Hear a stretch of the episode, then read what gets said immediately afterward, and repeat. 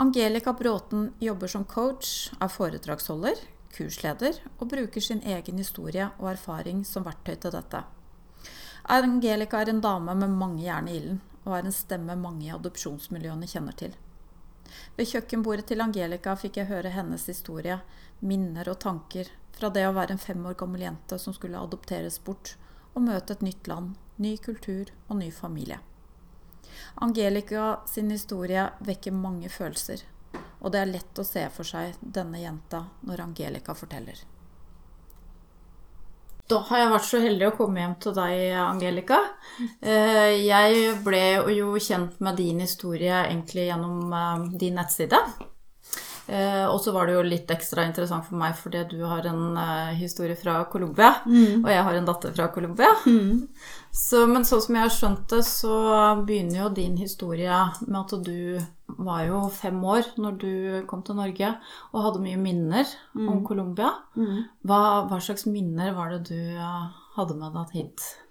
Um, ja, det er jo når jeg ble kontaktet av deg, mm. så hørte jeg på podkasten deres, den mm. som dere har lagt ut. Det tok litt tid for meg å komme inn på det, men så når jeg endelig fikk det til, så hørte jeg på den. Og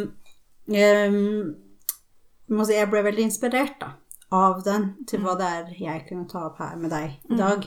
Og det jeg faktisk tenkte jeg skulle ta opp, var jo det som var før Colombia. Fordi jeg ble veldig Jeg ble rørt når mannen din sa at uh, i den um, Holdt jeg på å si trans... Uh, hva heter den? Overleveringen? Ja, i ja. overleveringen. Mm. Beklager. Idet dere hadde overleveringen med datteren deres, så hadde han veldig ambivalente følelser rundt det, fordi at han både så den gleden som dere hadde, og kjente på den, men han også så frykten og liksom forvirringen da, hos uh, dattera deres. Og det syns jeg Jeg ble veldig glad for å høre det, fordi det er veldig lite fokus på tiden før adopsjon. Og selve adopsjonen anses jo som bare pur lykke. Og det er det jo til en viss grad for flere parter, men det er ikke nødvendigvis bare pur lykke. Så jeg ble veldig sånn glad når jeg hørte på podkasten at oi, dette er foreldre som også eh, har sett flere vinklinger, da. Selv i den overleveringen, når man står i denne lykken og gleden. Så det må jeg, ja, det må jeg si at for meg som adoptert, så ble jeg veldig sånn rørt og glad eh, over at eh, dere tok og så det, da. Og så de elementene ved adopsjonsoverrekkelsen. Og så tenkte jeg hm, hva jeg vil ta opp her? Jo, jeg vil jo snakke litt om hvordan er det egentlig var det for meg før adopsjon. Fordi jeg levde jo et liv um, som for meg som barn, og da vil jeg kun ha perspektivet fra barnet, da, var veldig godt. Jeg hadde en veldig trygg tilværelse fordi jeg eh, hadde en mamma som alltid var der, og som alltid kom på barnehjemmene eller klostrene vi bodde i, eller hvor enn vi var, så kom hun når vi ikke hadde det godt. Mm. Og da Jeg har sett mammaen min kjefte på nonner fordi um, jeg var et kloster en gang. Jeg var kanskje tre, kanskje fire, litt usikkert, fordi jeg har ikke sånn helt konkret uh, oversikt over alder. Men når jeg var sånn rundt tre-fire år, så plasserte jo mamma oss på et kloster. Og der skulle vi være en periode. Og de nonnene som var der, var liksom De var strenge. Men det var ikke noe jeg gikk rundt og kjente på. Jeg følte, følte at jeg var trygg. Jeg følte at jeg hadde det godt. Og så var det en gang de serverte noe grøt til lunsj som ikke var noe god. Det smakte papp, liksom. Det var ikke noe godt. Sånn at eh, jeg ville ikke spise den. Og nonnene sa at jeg måtte spise den, for jeg måtte jo ha dårlig samvittighet hvis jeg ikke skulle spise den. Og det var liksom ikke måte på. Men de aller fleste som har oppdratt barn, skjønner sikkert hvordan den samtalen gikk, da. Men jeg blånekta og ville ikke spise den, for jeg syntes ikke det var noe godt. Og da tok de og tok tak i beinet mitt, og tok tak i en armen min, altså venstre bein og venstre arm, og så løfta de meg opp, og så tok de meg over fra det klosterstedet der vi spiste, som lunsj. Så tok de meg liksom over hagen, og husker jeg så um, Hva heter den flisene. For de hadde lagd sånn, sånn, fliser bortover som lagde en sti midt på gresset, da. Så husker jeg at jeg studerte det da, mens det gikk over, da. Og det var noen blomster der. Det var egentlig ganske koselig, men det var jo litt vondt at de holdt som de gjorde. Og så bærte de meg over til um, et sånt skur, eller det er ikke skur, da, men for meg så så det sånn ut. Et lite hus, utehus som de bodde i. Og der fikk jeg juling.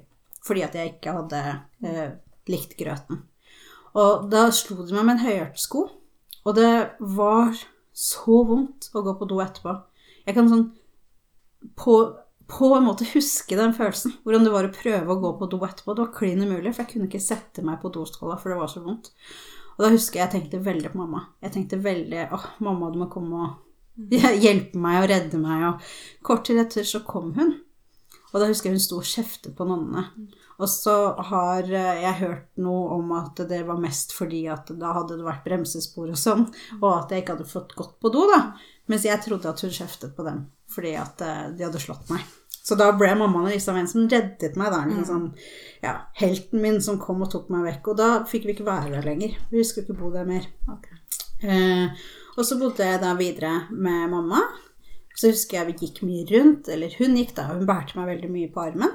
Da husker jeg jeg brukte det minnet veldig lenge for å huske ansiktet hennes, da. Fordi jeg husker at hun bærte meg på armen, og jeg husker at jeg kunne se på ansiktet hennes og studere det.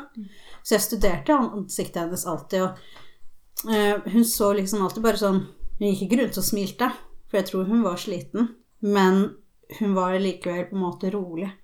Og jeg husker jeg elsket å bare være på armen hennes og bare se på henne. Og så havnet vi i noen andre hjem. Og så opplevde jeg en gang at vi var i en form for leilighet, men det var en leilighet som var egentlig bare et rom, et soverom, med en køyeseng. Og så hadde vi en kommode der, og så speil over kommoden. Og så tror jeg da at det må ha vært tilgang til noe sånn felles toaletter og dusjer og sånne ting. Men vi var der, og det var liksom der vi sov, og vi, vi tilhørte. Og så sov jeg på den øverste delen av køyesenga sammen med mamma. Og så kom det en innbruddstyv inn til oss. Og da våknet jeg av at han drev og romsterte rundt i kommodene. Og så kjente jeg med en gang at jeg ble redd. Men da la jeg merke til hånda til mamma som bare la seg over meg. Og så hvisket hun i øret mitt bare 'lat som du sover, så skjer ingenting'. Og hun var så rolig i stemningen. Så jeg følte meg helt trygg på at det stemte, og så sovna jeg igjen. Og da husker jeg jo ikke hva mer som skjedde, men det var liksom Det skjedde jo ikke oss noe. Sånn at uh, hun hadde jo rett.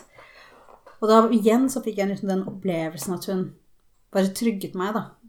Og hun holdt rommet for meg. Og det var på en måte, hun var ikke redd, og da behøvde i hvert fall ikke jeg være redd. Hun var en veldig sånn trygg sone um, for meg. Mm. Og så ble vi plassert i et barnehjem som heter Los Pisingos. Og på Los Pisingos husker jeg jo at jeg lekte med de rundt. Vi hadde jo, jeg og et par stykker på barnehjemmet, vi var liksom rampete, da.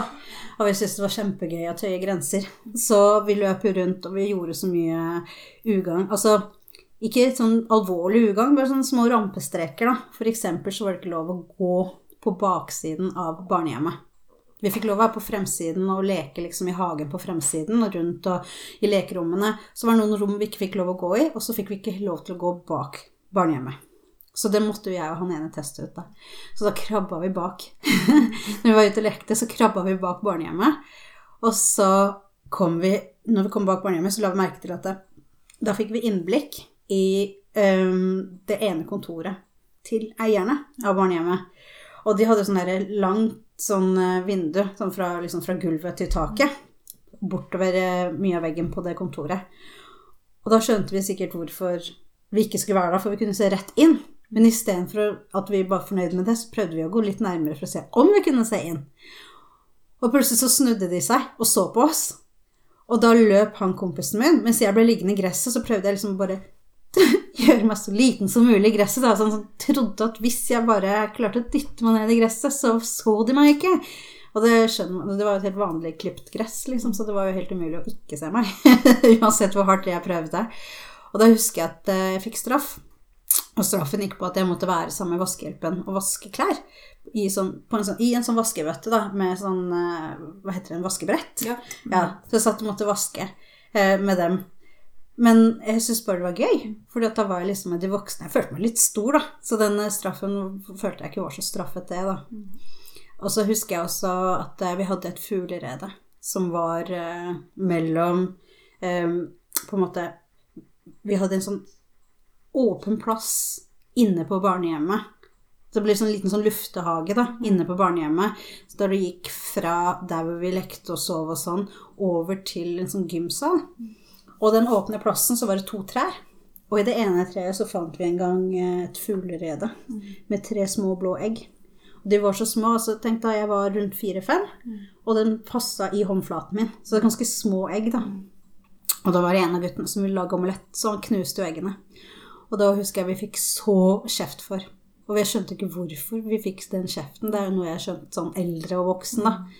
Um, men det var liksom litt sånn sånne ting vi gjorde, da. Og så var det en annen ting da vi syntes var kjempegøy, og det var jo på morgenen Vi bodde jo i sånne sove, soverom. Ja. Der hvor vi hadde skal vi si, fem-seks køyesenger etter hverandre. Og så var det liksom jenterommet, og så var det delt opp, og så var det gutterommet på, ved siden av, da. Og i de køyesengene så lå det alltid en på øverste og en underste, så det var fullt opp. Og på morgenen så måtte vi vente til det kom liksom den første på en måte arbeideren, da, nannyen, kall det.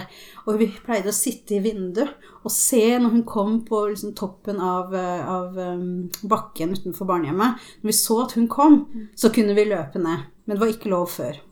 Så var det en av gangene vi satt og venta som vi bare syntes det tok altfor lang tid før hun kom. Så vi tenkte nå skal vi være litt rampete. Så da løp vi ned til første etasje og henta opp masse leker.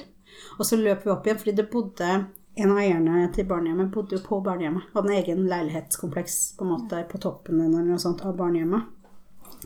Og da tok vi og henta masse leker. Vi var ganske mange flere enn meg som gjorde det. Og så tok vi opp lekene, og så la vi alle lekene utafor rommet. Eller utafor døra, da, til eh, oppgangen hennes. Og så hørte vi plutselig at hun våkna, og alle bare sånn. Så Helt hysterisk og løp inn på rommet. Og så bodde jeg da i annen etasje på en av køyesengene. Så jeg var sist. Så jeg, mens jeg sto liksom på midten av trappa, jeg kunne se fortsatt mot døra, så så jeg hun kom inn. Så så jeg at hun så meg midt i øynene, og jeg tenkte nei, jeg må opp! Så jeg prøvde allikevel fortsatt å komme meg opp, da kaste meg under dyna og håpe at liksom, bare jeg kom meg under dyna, så, så var jeg safe. Selv om hun hadde sett meg. Og så hun kom da og dro av meg dyna og dro meg opp på leiligheten, fordi hun visste jo at Hun trodde kanskje det var meg, jeg vet ikke, men uansett så var det bare jeg som fikk juling da. Så da fikk jeg juling igjen med sånn høyhælt sko. Men jeg følte det veldig uproblematisk, og det har jeg hørt at det, betyr bare at jeg har fått nok juling. at det blir normalisert, og det er ikke bra. Men for meg så var det ikke, var det ikke noe som jeg gikk rundt og fryktet, da. Det var en konsekvens som vi alle fikk, og jeg gikk ikke rundt og følte at den var eh, noe jeg var redd for. Jeg syntes det var skikkelig kjipt, og det var vondt igjen å gå på do, og det var liksom sånn åh, hvorfor, hvorfor utsatte jeg meg for dette her igjen? Eh, men det var veldig gøy at vi hadde gjennomført en sånn greie, da. At vi var så mange. Vi var alltid mange som var med på det. Eh, og vi lo jo av det, og vi Ja. Vi var bare en gjeng med litt sånn smårampete barn, men som hadde det gøy med å være sånn. Eh, og så eh, var det jo sånn at mamma, hun kom jo alltid. Hun kom jo alltid på besøk, hun kom jo alltid tilbake. Men var dere kommet på det barnehjemmet da for å bli permanent, eller var det Det vet, visste vet ikke jeg da. Nei. Visste jeg ingenting om.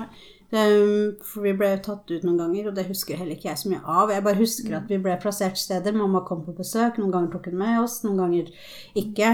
Og så, og så satt jeg en gang og venta på mamma, og da pleide jeg å sitte ved et sånt um, vindu, et stort vindu, som var i spisesalen.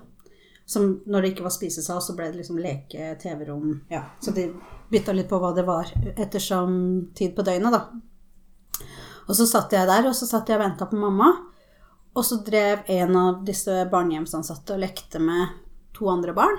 Så drev hun liksom og holdt en yngre barn da, på hendene, og så liksom løfta henne opp og ned, og de drev og lekte og styrte. Og så ser hun at jeg sitter i vinduet, og da tror jeg jeg har sittet en stund, for jeg tror jeg merka at det er lenge siden mamma var på besøk. Så satt jeg bare og venta og venta, og så sier hun eh, du må gå vekk fra vinduet. Så jeg nei, jeg venter på mamma. Hun sier nei, du må bare slutte. Gå vekk fra vinduet. Så jeg venter på mamma. Hun skal komme. Og så sier hun nei, mamma din kommer aldri igjen, så gå vekk fra vinduet. Og så ble jeg egentlig litt sånn irritert. Så som jeg forsto ikke helt hva det var hun snakka om, for mamma kom jo alltid tilbake. Mamma kom jo. Så jeg fortsatte å sitte i vinduet ganske mange dager, før jeg plutselig begynte å skjønne at kanskje hun hadde rett. Og når jeg forsto at hun hadde rett, så ble jeg først skikkelig forbanna på henne. Ikke fordi at hun sa at mamma ikke kommer tilbake, men hun sa ingenting annet. Og hun sa det som det skulle vært naturligste ting på jord. Og jeg husker at jeg tenkte at kanskje hun trodde at det var en god måte å si det på. Og sånn skal ikke jeg bli. Sånn voksen skal ikke jeg bli, som ikke kan skjønne at eh, jeg som barn kan høre annerledes det de som voksne sier, da. Og jeg ble skikkelig forbanna. Men så skjønte jeg at eh, jeg skulle bli adoptert bort fordi at jeg, hun kom ikke. Og da joina jeg på en måte gjengen med de andre barna som satt og bare venta på å bli adoptert bort. Ja, for det, det, dere pratet om det, ja. Vi pratet om det, fordi vi visste at hvis vi Det vi forsto, da, på barnehjemmet, er at eh, hvis ikke vi fikk en mamma og pappa, så kom vi til å havne på gata død. Det, det var vi veldig klar over. Og vi var fire, fem, seks, sju, åtte år. Og vi var veldig klar over liv og død. Det var liksom et sånn veldig greie for oss, da. Um, og det er ganske voldsomt for så små barn å være klar over at uh, hvis ikke jeg får en mamma og pappa, så kan jeg dø. Altså dette er jo på en måte vår tankegang, da. Og så kan voksne rasjonalisere det bedre. Men for oss barn så var det liv eller død. Um, så jeg begynte jo å få mareritt. Så jeg hadde mareritt om natta om at jeg ikke skulle få foreldre. Så en natt så lå jeg jeg lå og drømte, så drømte jeg at eh, jeg var utafor barnehjemmet. Og da satt jeg og lekte um, med noen leker. Litt, sånn, litt vekk fra barnehjemmet. Og så satt jeg i nærheten av en busk, og så satt jeg og lekte. Og så plutselig så ble det brått mørkt. Og så tenkte jeg oi, jeg har glemt bort tida. Nå er det blitt natt, liksom. Og så har jeg helt glemt bort tida. Og så skal jeg reise meg sant, for å løpe inn. Og så legger jeg merke til at jeg kan ikke, for jeg er i et bur. Og så prøver jeg å komme ut av buret. Og så står jeg liksom og holder liksom i bur, eh, jeg vet, burveggene. Og prøver liksom å komme meg ut. Og så ser jeg barnehjemmet, så ser jeg lysene på vinduet. På vinduene bortover. Og plutselig så går hoveddøra opp. Og da blir det litt sånn tegneserieaktig, for hoveddøra går opp, og så blir døra liksom Den blir bare sånn mørkegul, som jeg forstår liksom det er lys. Og så kommer det da en mor og et barn, en mor og en barn, et mor og et barn bortover, ikke sant? Og så skjønner jeg å, oh shit, det er i dag vi blir henta. Det er i dag alle får foreldre, liksom. I dag er greia. Og så satt jeg i bur utafor. Og så begynte jeg liksom å skrike og ta enda mer i buret og Slipp meg ut, slipp meg ut. Og jeg er her, jeg er her. Ikke glem meg. Jeg var så stressa. Fordi jeg skjønte at alle fikk foreldre, og ikke jeg. liksom da. Jeg er den eneste som ville dø. Så jeg var så stressa. Jeg satt i det buret og bare Nei, nei, nei, jeg er her, jeg er her. Og jeg var så redd. Og så bråvåkna jeg i senga. Og da var jeg svett. Altså fem år og svett, liksom. Fordi at jeg trodde at jeg hadde blitt helt forlatt. Så jeg fikk jo en enorm frykt for å dø. For å bli aleine og dø. Um, og så ble jeg innkalt til kontoret ikke så lenge etter. Og da snakket jeg med en av innehaverne som snakket om familie, da. Som ville at vi skulle snakke om hva familie var, da. Hva foreldre var. Eh, jeg tror det var første gang jeg skjønte at det fantes far inne i bildet også. For for meg så hadde foreldre vært mamma. Um, så skjønte jeg at det var en far inne i bildet òg. Og da tok hun fram noen leker. Da. Så det var liksom en mann og en dame, og så skulle jeg få lov å være liksom en, en dukkebaby, da, barn, i familien. Og så hadde hun sånn svært lekehus inne på kontoret. Og så drev hun og forklarte mens jeg lekte med dette her, da liksom rollene til mamma og rollen til pappa, og liksom at jeg som barn hadde en rolle, og at ja, man hadde egne soverom, og at man hadde bad. og en del sånne praktiske ting som hun forklarte gjennom lek, da som ga meg liksom litt idé om at når man kom til en familie, så kom man til eget hus, og at da hadde man en mor og far, og at det skulle være masse kjærlighet og masse tålmodighet. Og, og da var liksom det var, det var, himmelen. Da var alt løst, alt ville være bra. Um, og trygget meg på at uh, snart kom en mamma eller pappa, da. Og så har det gått en del tid. Og så Jeg husker mye mer enn det. Jeg husker alt fra julaften til ja, en episode jeg syns var skummel, og som jeg tenker er litt viktig at folk vet egentlig litt om. Det er Jeg husker en gang vi var inne på et av lekerommene, som er da dekket med glassvinduer. Men vi var inne på, på det lekerommet. Og så plutselig så hører vi det bråker skikkelig i gangen. Og så snur jeg meg, og da ser jeg at det står en mann, en voksen mann da, med et balltre og står og skriker til de voksne. Um, og jeg fikk ikke med meg hva han sa, men så begynner hun ene av de som arbeider her, å bli hysterisk og skriker at alle skal inn og gjemme seg. Og da bare måtte jeg finne Jeg gikk under en av de korte bordene og gjemte meg under bordet. Og var kjemperedd. Jeg skjønte ikke hva det var, for jeg så de voksne var jo kjemperedd. Og så fikk hun låst døra inn til oss. Men det var jo glassvinduer overalt, ikke sant? og han sto utafor og var dritforbanna. Og så begynte han å slå med balltre på de glassrutene. ikke sant? Og hun som jobber på barnehjemmet, hun sto og gråt og var hysterisk. Og hun var høygravid, og hun sto og holdt seg for magen og hadde et barn som hun prøvde å skjule bak seg. Og det var veldig sånn dramatisk, da. Og så knuste han vinduet, og så gikk han igjennom vinduet og kom og begynte å skulle fly på henne, da. Men akkurat idet han begynte å slå på henne, så kom vaktmesteren som var på barnehjemmet. Og så han, fikk han tak i han med balltreet, og så kom det noen til, og da fikk de liksom tak i han, da fikk han ut. Og så kom det noen og trøsta hun høygravide dama, og så ba oss om å på en måte forlate rommet for det skulle fikses. Men det var ingen som trøsta oss. Det var egentlig ikke Det er akkurat som om vi liksom ikke forsto noe, da. At det, det var på en måte De var veldig sånn Ja, nå skjedde det noe rart, men nå må dere bare skjerpe dere og komme dere ut, og så skal vi rydde her, og så Livet går videre. Livet går videre, ja. ja. Så det var veldig sånn Og da tenkte jeg jeg skal kanskje ikke være redd, men det var en veldig ubehagelig episode. Um, og så var han jo borte, og det var tatt hånd om, og Ja, det var veldig sånn rart, men det var liksom sånne ting som skjedde da på det barnehjemmet. Men Og så Men ja. fram til de, de nye foreldrene kom og hentet, Mm. hadde du håp om at mammaen din skulle komme tilbake? Eller var du Ikke etter at jeg skjønte at hun ikke gjorde det. Nei, for da var, da var det over, liksom. Da skjønte jeg Ja. at det var over. Ja. Da skjønte jeg at hun gjør jo ikke det. Um, og jeg var veldig lei meg for det, men jeg skjønte at ok, da er det sånn det er, da. For jeg satt jo ganske mange dager og venta på henne. Og da for hver dag hun faktisk ikke dukka opp, så skjønte jeg at ja, håpet mitt forsvant, da. Mer og mer. Til jeg forsto at hun kom jo faktisk ikke tilbake. Um, så det hadde jeg lagt fra meg. Nå var fokuset på å overleve, og da må man jo få foreldre. Sånn at eh, Så du så egentlig frem til det? jeg så skikkelig frem til å vite at jeg ikke kom til å dø, da. Ja, ja. ikke skulle sulte på gata. Fordi vi barna visste at hvis du ble for gammel, så ble du ikke adoptert bort. Det visste vi. Eh, Det var vel litt snakk om det også. Spekulasjoner om barn som bare var borte. Som ikke liksom sånn Hva skjedde med dem? Så jeg husker det godt, at det var en reell frykt på at eh, folk foreldre Det var liksom fasiten for å komme seg ut av barnehjemmet, og fasiten for å overleve. Og så var det sånn at eh, en dag så sa de at nå har du fått foreldre. Nå kommer de, og nå skal de hente deg. Og da fikk jeg plutselig tilgang til et rom som jeg ikke var klar over var under trappa. Det var en dør som liksom hadde vært en del av trappa hele tida. Og så plutselig så var det en dør. Og så, oi, den hadde jeg aldri sett før. Og syntes det var kjempemorsomt. Og så kom vi inn, og så viste det seg at det var en så svær garderobe. Som jeg i voksen alder har sett ikke var så svær. Men for meg var det en svær garderobe med masse nye klær. Jeg hadde bare hatt de samme klærne omtrent hele tiden. Og vi var vel ganske li like klær, jeg vet ikke. Men det var liksom den samme klesgreiene. Fordi jeg var veldig bevisst på at dette er nytt. Det er nye klær, det lukter nytt, det var pene klær. Og vi fikk velge oss hvert vårt antrekk. Og det husker jeg, jeg bare altså, What? Og det skulle jeg eie, da. Og det syntes jeg var så stort at jeg skulle få eie noe. Um, så da valgte jeg noe antrekk. Jeg husker ikke helt hva det var. Det var noe rosa noe.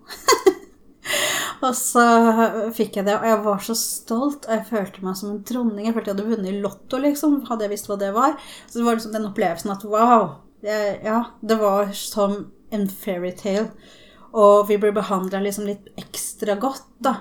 Og de rundt ble litt sjalu på oss, de andre barna. ikke sant? Og jeg har vært og sjalu på noen av de andre barna tidligere, så jeg kjente inn den følelsen. Og så eh, fikk vi disse fine klærne. Og så skulle vi sette oss i en bil. Det tror jeg ikke jeg hadde kjørt i før. Og så ble vi kjørt da i en veldig fin bil vekk fra barnehjemmet, og så skulle vi liksom til en av eh, de som jobber der, Rosa eller Nora, jeg vet ikke hvem av de som bodde der. Og der skulle vi da møte eh, mine nye foreldre. Og så, så kom jeg dit. Og så husker jeg jeg gikk ut av bilen, så husker jeg hvordan døra så ut. Så husker jeg at det var en trapp rett innenfor.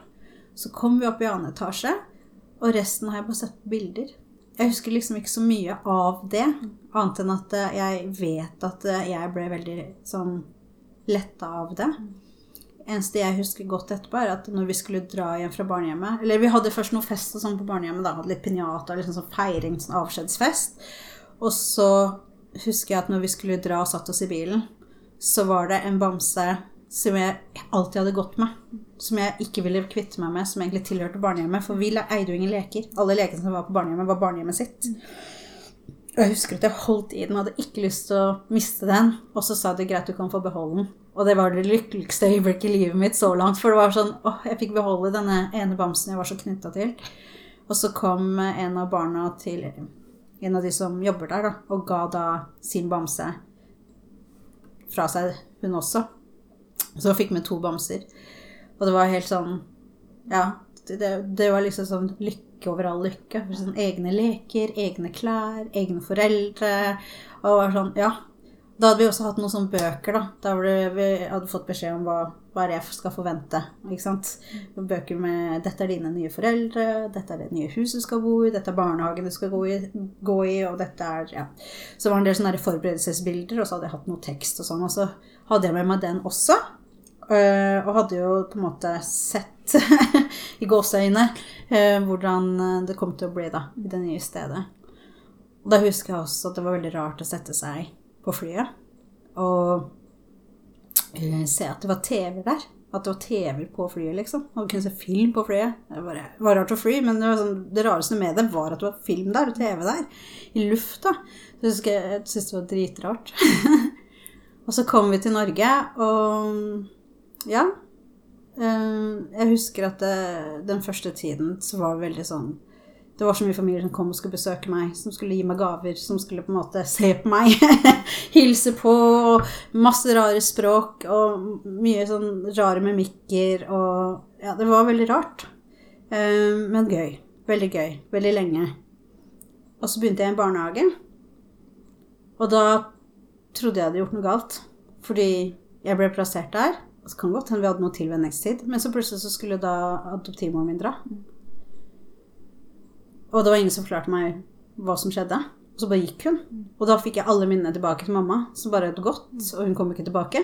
Og jeg var så hysterisk. Det var flere dager jeg var hysterisk når hun dro. For jeg, jeg husker jeg sto ved porten og gråt etter henne, og hun bare 'kommer snart tilbake', sikkert. Jeg vet ikke hva hun sa, men jeg vet at jeg ikke tok noe for god fisk, uansett om jeg hadde forstått det eller ikke. Jeg tror ikke jeg snakka norsk fordi at jeg snakka ikke norsk før ganske lenge etter jeg begynte i barnehagen. Okay.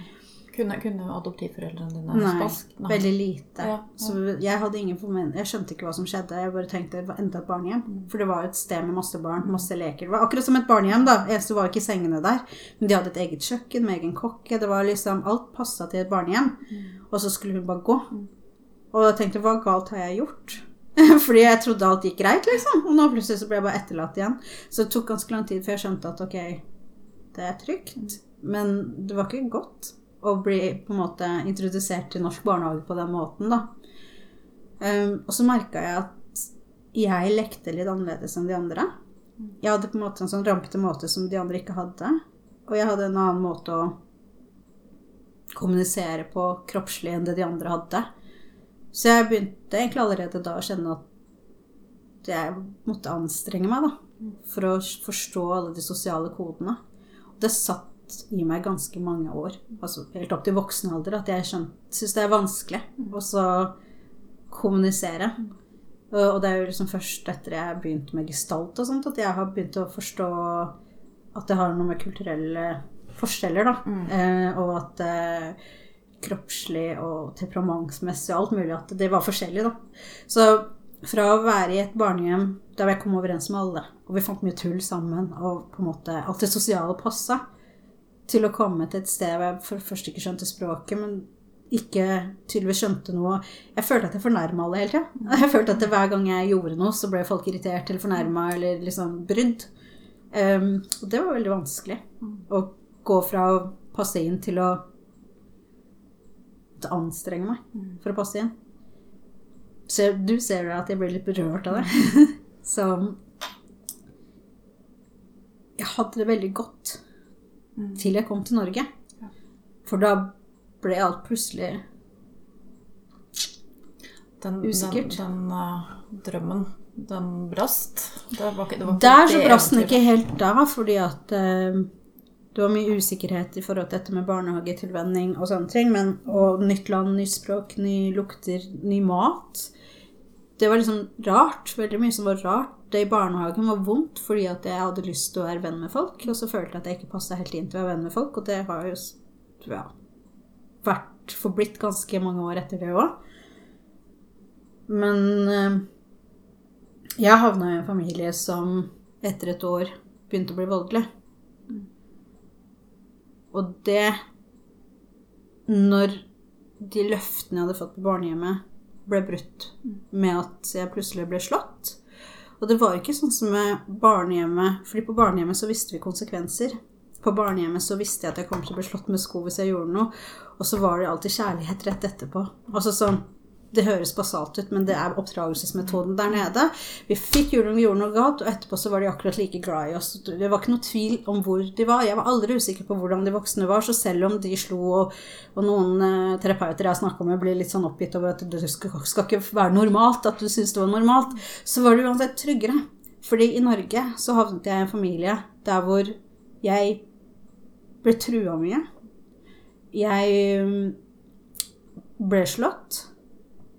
Og veldig sjelden uten å kunne vite hvorfor. Det kom ut av det blå. Jeg visste ikke hva jeg hadde gjort. Jeg ble beskyldt for å gjøre mer enn jeg hadde gjort. Jeg ble beskyldt for å ikke forstå hva jeg hadde gjort, noe jeg faktisk ikke forsto. Men eh, jeg skulle liksom forstått. Jeg opplevde at jeg da var dum. Jeg opplevde at eh, det ble da en trusler om ny vold. Sånn uten at jeg egentlig skjønte hva jeg kunne gjøre for å unngå det. Alt ble veldig usikkert, da.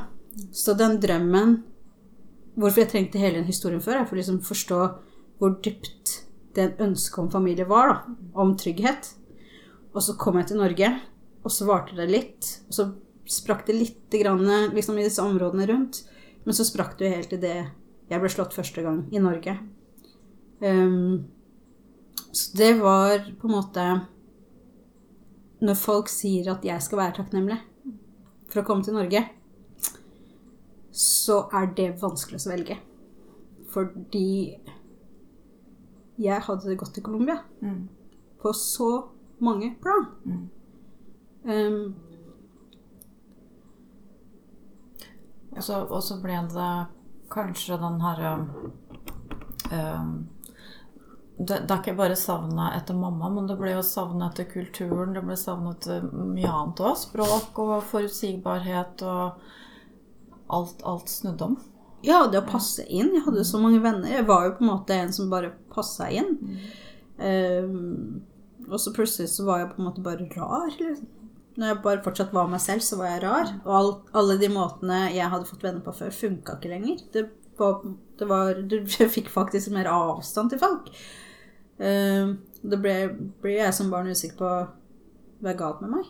Hvorfor funker jeg plutselig ikke her når jeg funka før? Og hva er det jeg har gjort galt? Og hvorfor, eh, hvorfor liker folk meg ikke? Og så kan det jo godt hende at folk likte meg mer enn jeg trodde, men min opplevelse var jo ikke det. Min opplevelse var at folk syntes rett og slett jeg var brysom. Og da hjalp det ikke så veldig mye at eh, når jeg først sa ifra til myndighetene om at jeg ikke hadde det godt hjemme, og at jeg var voldelig hjemme, at det også ble oppfattet som brysomt. da. At jeg på en måte sa noe som ikke passet helt inn i deres bilde. eh, Og at eh, da måtte det være noe galt med meg. For jeg ble jo sendt rundt for å forstå at det jeg sa, det var vondt for mine foreldre. Det ble jeg sendt til psykologer da, for å forstå. Så det blir liksom I Colombia så var jeg veldig høyt elsket, uansett hvem jeg møtte. Selv de som slo, hadde jo en kjærlighet bak det, og de viste kjærlighet etterpå. De var støttende, og det var alltid sånn De løfter og løfter og løfter i språket. Altså, de kaller det prinsesse og dukke og kjærlighet og sjelen min. Og så i alt det de sier, ikke sant, så er det mye kjærlighet. Selv når du kjefter 'Du min engel, nå må du høre her', liksom. Altså, sånn, det er veldig løftende språk og veldig løftende måte å være på. Og, og, og de hadde liksom alltid mye kos og klem og nærhet. Og i Norge så var det kaldt.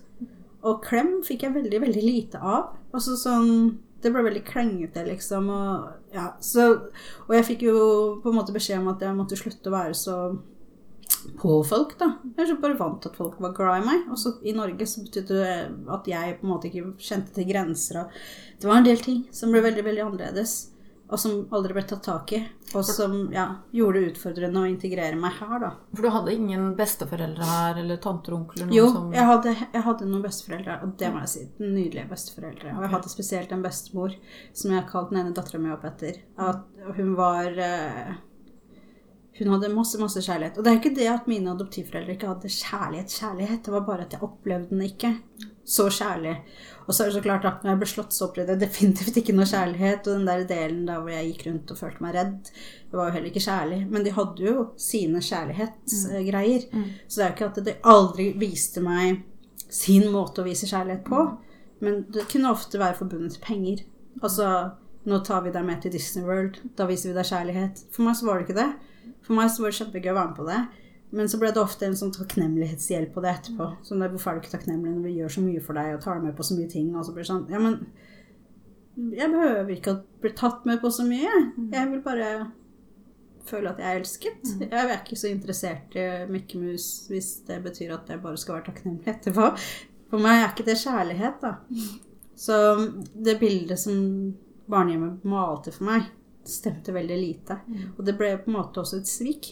Selv om ikke barnehjemmet kanskje kan, har noe, eh, på en måte kan noe for det, mm. så ble det et svik for meg. Blant de voksne som jeg opplevde var kjærlige og omsorgsfulle og tok vare på meg, og som ønsket meg alt godt, mm. så sendte de meg til dette. Så ja. Var det først i voksen alder at du sa fra til myndighetene? Nei, jeg var 14 og jeg sa fra. På 14-årsdagen min, faktisk. Ja. sa jeg fra. Og da mm, Det hjalp egentlig ikke så mye. det gjorde saken min nesten verre. Ja. Jeg ble plassert rundt på masse forskjellige ungdomshjem, og jeg ble plassert på noen sånn type nesten ungdomsfengsel etter hvert, fordi jeg, måtte, fordi jeg ikke funka sosialt, mente de, mm. siden jeg sa at jeg ble slått hjemme. Det går jo ikke. Man adopterer jo ikke barn for å slå. Er, jeg tror noen har sagt det direkte til meg uh, flere ganger. Mm. At man adopterer ikke barn for å slå, så det må jo være noe galt med meg. Så vel, veldig utfordrende. Og jeg, jeg, snakker veldig høyt om ting nå. Ikke fordi at jeg er imot adopsjon, eller at jeg syns adoptivforeldre liksom skal få uh, høre det. Mest fordi at uh, adoptivfamilier er som alle andre familier. Det fins noen gode, det fins noen dårlige. Heldigvis har jeg hørt flest gode. Men der hvor det ikke kanskje går sånn som man hadde tenkt, der hvor kanskje foreldrene utfordres på noe de ikke visste at de på en måte var mulig å utfordre på. Der blir det en reaksjon de ikke visste at de kanskje kom til å få. Og så blir det en situasjon i hjemmet som ikke har gått. Mm. Så har ikke bare jeg, men andre også adopterte merket at det å si fra som adoptert, det er fryktelig utfordrende. Fordi dessverre så blir dere som adoptivforeldre Dere blir jo glorifisert. Og det er jo Dere får jo på en måte en et godkjent stempel som gjør at man tenker at dere er liksom krem de la krem. Da. Og jeg har ikke noe mot adoptivforeldre som konsept, hvis jeg kan kalle det det. Men jeg sliter litt med at eh, man kanskje neglisjerer barnas rettigheter og barnas eh, evne og, og, mulighet til å si fra når det ikke er greit, da. Ved å bli for eh, på en måte Hva heter det nå? Ensidig på hvordan man ser på familien som en helhet. Da. Men tenker du også det at det er viktig at man har alle adoptivforeldre har i mente at uansett hvor gammelt barnet er, at du har den historien bak deg? At ja. du tar vare på det her med kultur altså At det fins et vern da, som er med og bygger opp barnet? Jeg tenker at det som er viktig, er at eh, man er tidlig inne og er i kontakt med mennesker som evner å tenke litt utenom boksen, da. Og som evner å forstå at det er en bakgrunn selv med barn som kommer som små. Altså Selv spedbarn har jo en bakgrunn. De har vært i hele ni måneder. Du kan jo tenke på hva du har gjort de siste ni månedene. Det er ganske lang tid. Så har de vært i magen til noen. Og det er all forskning peker på at allerede der så får de inntrykk. De begynner å utvikle en form for personlighet. Altså Det er en del ting som skjer allerede i magen. Så det er allerede mye grunnlag der. Og så kommer man til Norge, og da må noen kunne evne å tenke forbi at eh, ikke bare diagnoseadopsjon, mm. men også tenke forbi i forhold til tilknytning. At de har blitt tilknytningsskadet på en eller annen måte. Alle som har en baby, vet hvor fort man blir knyttet babyen sin. Eh, og at de har blitt eh, revet fra fra noe som har vært trygt. det kulturelle språket er også integrert ganske mye i en baby. Og du kan tenke deg, jeg var fem, da. Så det blir ganske godt integrert i barnet. Og så skal man plutselig bytte ikke bare familie, men også hele kultur og språk og alt som er. Og det, det setter seg forskjellig hos hver av oss, for vi har forskjellig styrke i forhold til vår mentale helse. Men hvis man ikke kan anerkjenne at det ligger en bakgrunn, at det kan ligge mye bakgrunn, og at det kan ligge bakgrunn som også er god Altså Hvis man ikke kan anerkjenne det, så blir det veldig vanskelig å, å, å møte på de utfordringene som dukker opp. da. For jeg tror med et riktig oppfølgingsopplegg så tror jeg egentlig ikke vår familie hadde blitt så screwed up. Altså i Norge. Mm. Jeg tror at uh, mine foreldre kanskje har følt det har vært mer utfordrende enn de trodde. Uh, jeg ble jo veldig, veldig, veldig sterkt knyttet igjen til mamma idet jeg fikk mine første slag i Norge. Etter det så har jeg ikke slutta å tenke på mamma. Jeg ville jo hjem til henne. For hun var det eneste trygge som alltid redda meg. Og det kunne vært unngått. Altså da har jeg ikke, jeg har ikke knyttet meg til mine adoptivforeldre. Jeg kaller dem ved navn. Jeg gjorde ikke det når jeg bodde hos dem, for det turte jeg ikke. Men jeg kaller dem for det meste ved navn, og ikke mamma og pappa. Fordi mammaen min, det er mammaen min, og faren min kjenner jeg liksom ikke så godt. Så det er liksom min sannhet og min opplevelse. Det tror jeg kunne vært unngått, og jeg kunne sikkert blitt knytta mye nærmere hvis noen hadde vært til stede og veiledet foreldrene mine og kanskje hatt den tanken om at her er det sorg, her er det savn, her trenger man å huske på at det er en bakgrunn. Um, Kanskje det er noe annet rundt, f.eks. traumer i forhold til hva jeg opplevde på barnehjemmet, hva jeg opplevde når jeg bodde med mamma, hva jeg opplevde på klosteret. Andre ting jeg ikke engang husker, som jeg kanskje har opplevd, som kan ligge til grunn for frykt, for eh, at jeg reagerer voldsomt ved høy stemmebruk. Ikke sant? En del sånne ting som jeg opplever at ble oversett mye da. Litt mer anerkjent per i dag, men fortsatt ikke godt nok ut ifra hva jeg får tilbakemeldinger for fra adoptivforeldre som kommer til coaching hos meg. da, Så er det fortsatt for dårlig. Det, det finnes jo ikke noe sted du som eh, adoptivforeldre eller kan henvende deg til Mm. for å få noen råd og tips. Eh, man er på en måte ferdig adoptert, både barn og foreldre. Mm. Ikke sant? Så skal man liksom greie seg selv etterpå. Ikke sant? Ja, det, Det- er viktig. Mm. Og det er det jeg tenker, da. Hadde det vært et riktig opplegg, hadde noen kunne fortalt mine adoptivforeldre at dette er vanlig hos en adoptert, eller hadde noen kunne fanga opp fortere hva jeg satt med, og gitt meg mulighet til å sørge ferdig, til å på en måte eh, snakke åpent, eh, beholde min eh, del av kultur, da. Kanskje noe av språket. Altså hadde noen bare kunne vært inne i bildet og veiledet eh, der hvor behovet er. Fordi mitt behov er, er jo helt annerledes enn andres. Sant? Så bare noen som hadde hatt litt kompetanse om hva som kan ligge i feltet. Er det noe du jobber med litt politisk også? Å få til noen uh, Ja, jeg har jobba en del sammen med utenlandsadoptertes politiske utvalg. Nå har jeg meldt meg ut av det, fordi jeg har ikke råd til å holde på med så mye tid med frivillighet akkurat nå.